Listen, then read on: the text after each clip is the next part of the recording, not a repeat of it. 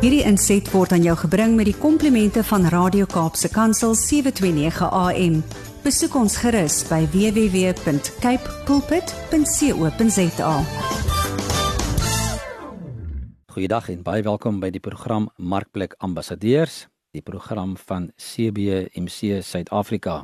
En CBMC is die Christian Business Men's Connection of soos ons ook internasionaal bekend staan connecting business play business um, and the marketplace uh, with Christ. En dit is wat ons wil doen um, wêreldwyd is om die besigheidsomgewing um, te verander en um, met die met die boodskap of die evangelie van Jesus Christus. Ons sê we want to transform the marketplace with the gospel of Jesus Christ.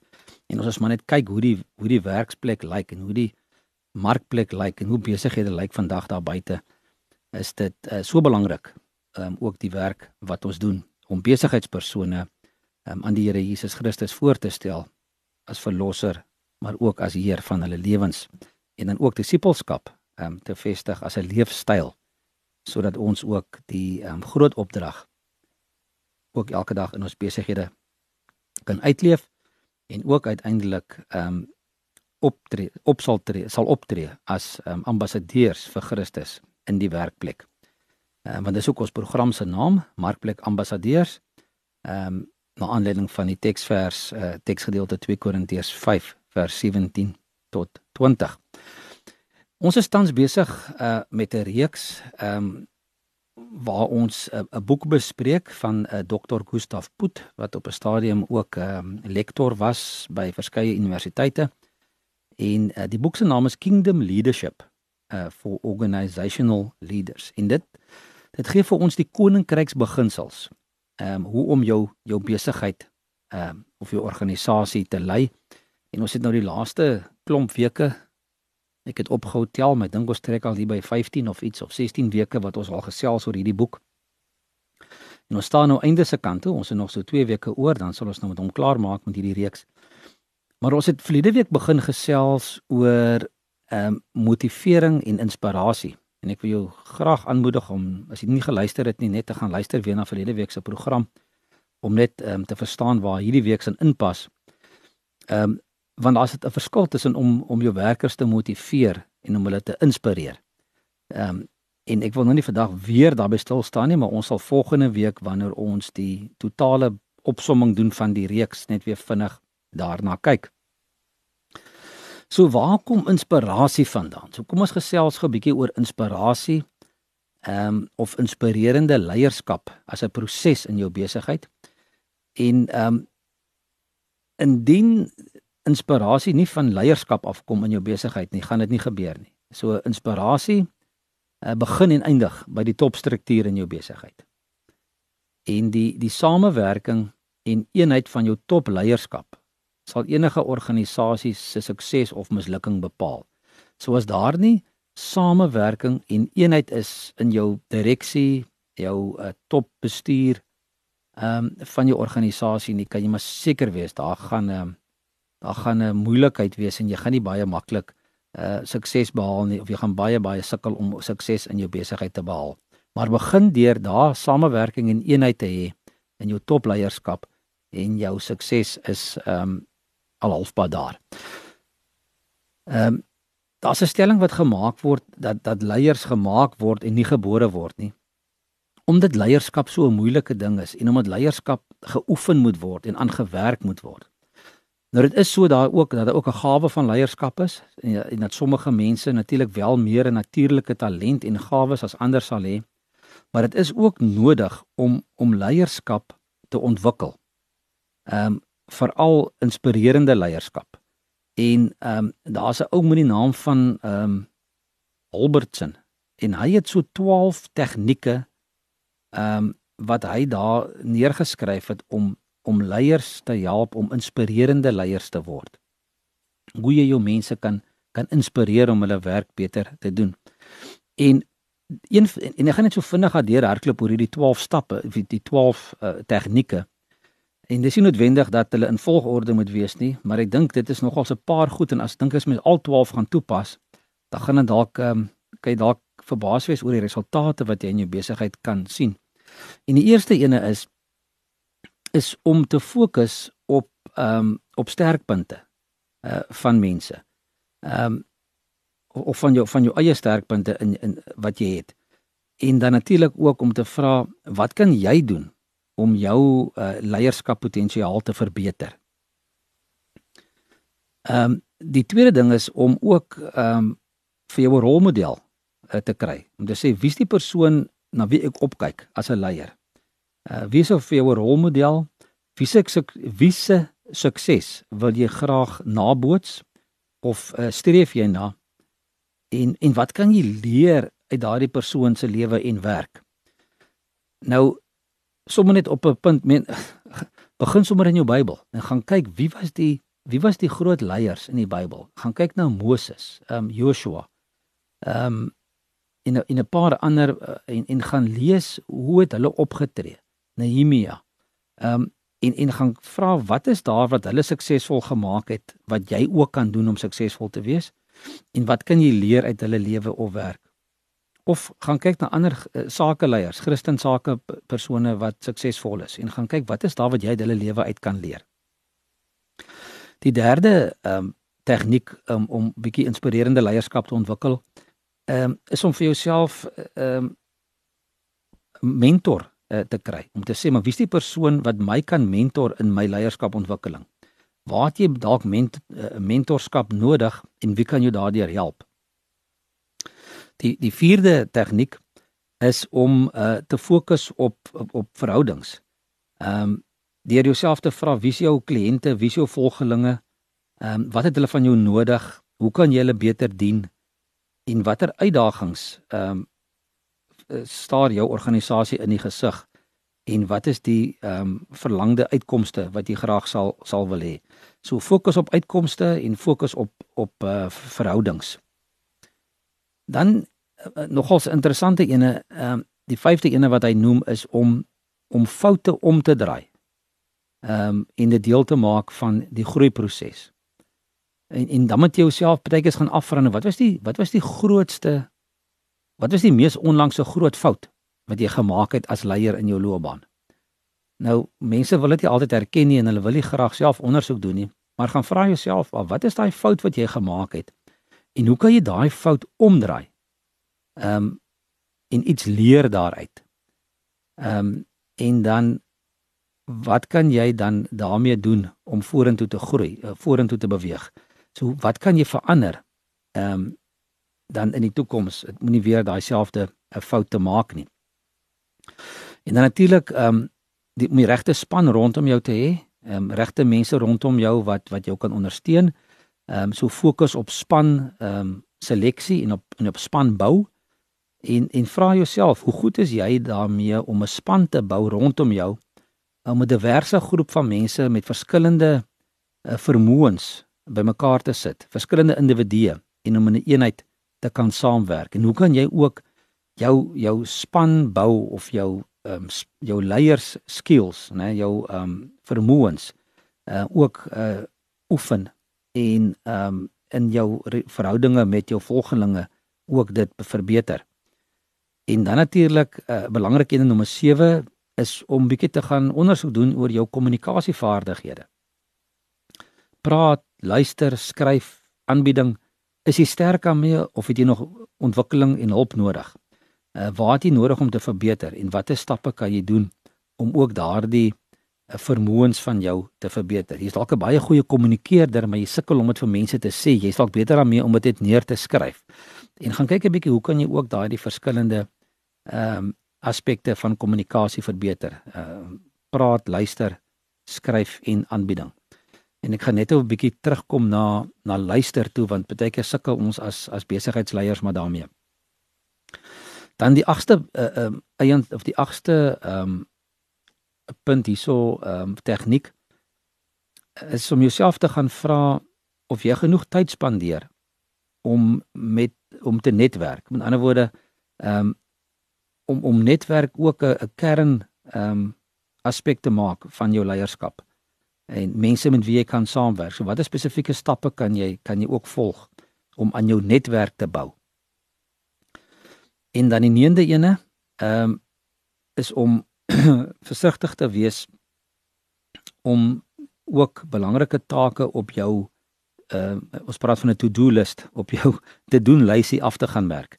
En dan moet jy fokus op daai oomblik nou. Wat moet nou gedoen word? Watter een taak ehm um, het nou jou aandag nodig op hierdie oomblik? En wat gaan jy doen om jou tyd te konsentreer op dit en om dit nou af te handel? Uh, baie keer dan is 'n mens so besig met 'n klomp goed en jy jy kry eintlik maar niks gedoen nie. So begin 'n bietjie fokus op daai een ding wat jy nou moet klaarmaak. Die 10de ehm um, aspek of die 10de tegniek wat jy kan volg is daar is, is kan jy kan op fokus om mense te help om te groei. Ehm uh, en die vraag wat jy jouself kan vra is jy is jy as leier besig om die mense rondom jou te help om te groei? Ehm um, en watter stappe kan jy help om ander mense ook ehm um, te mentor en om te help om ook in hulle leierskap uh, bevoegdhede te groei? En hoe kan ek ook ehm um, ander mense help om om te groei uh, professioneel? En dan uh, die 11de ene, die 11de tegniek uh, gaan bietjie saam met die, die een van nette oor luister.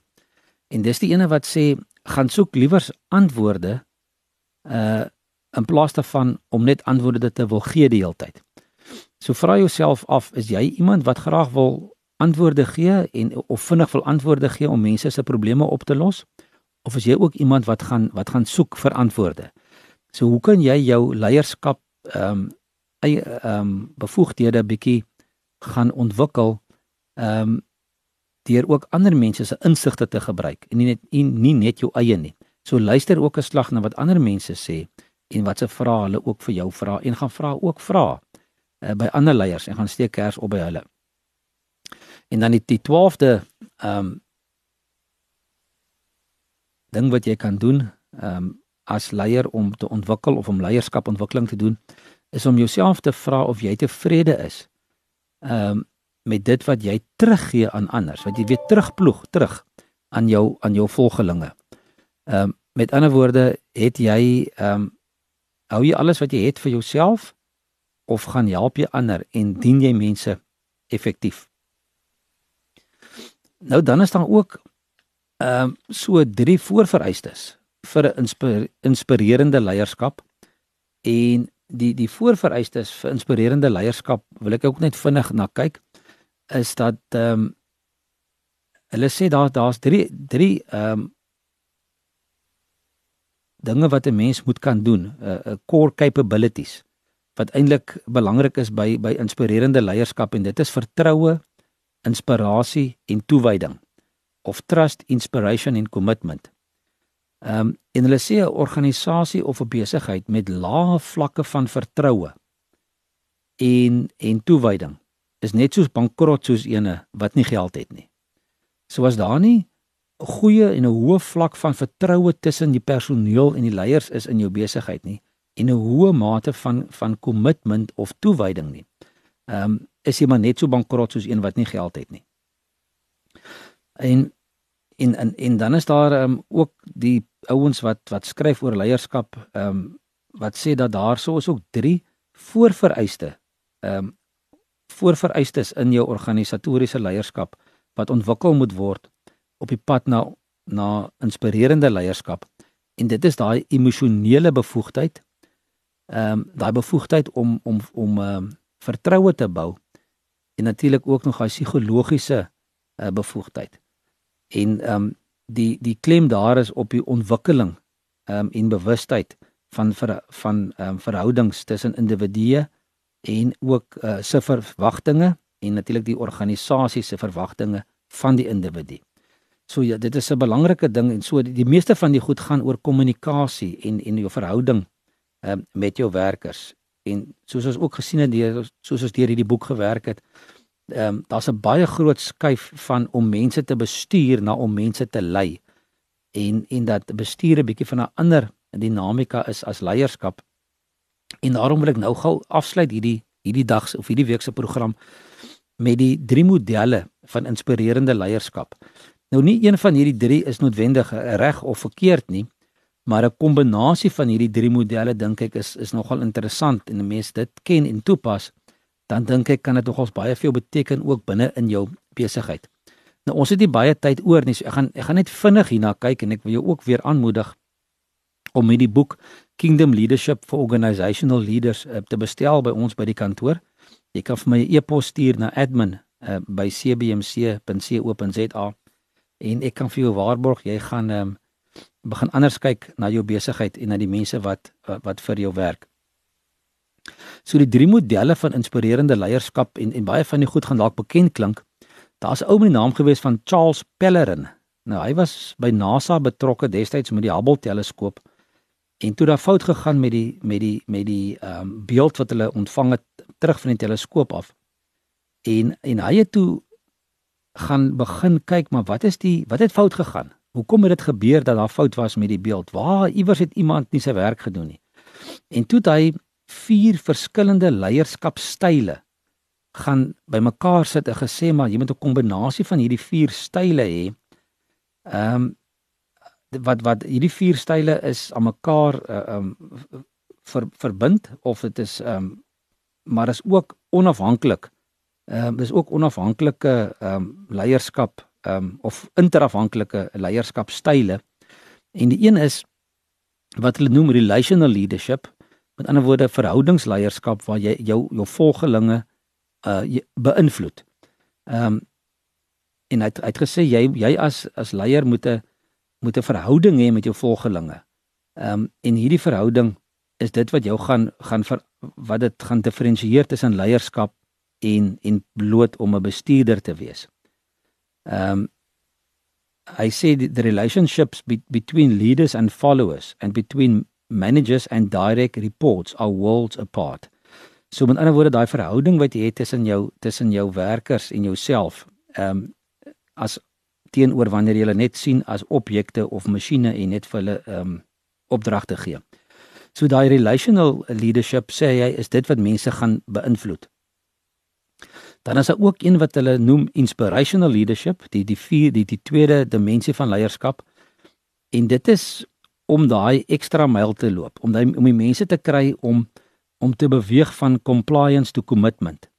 Hy sê wanneer ehm um, mense die ek wanneer daar die ekstra van die ekstra myl gepraat word, beteken dit daar is reeds 'n 1 myl gewees wat gestap moes word.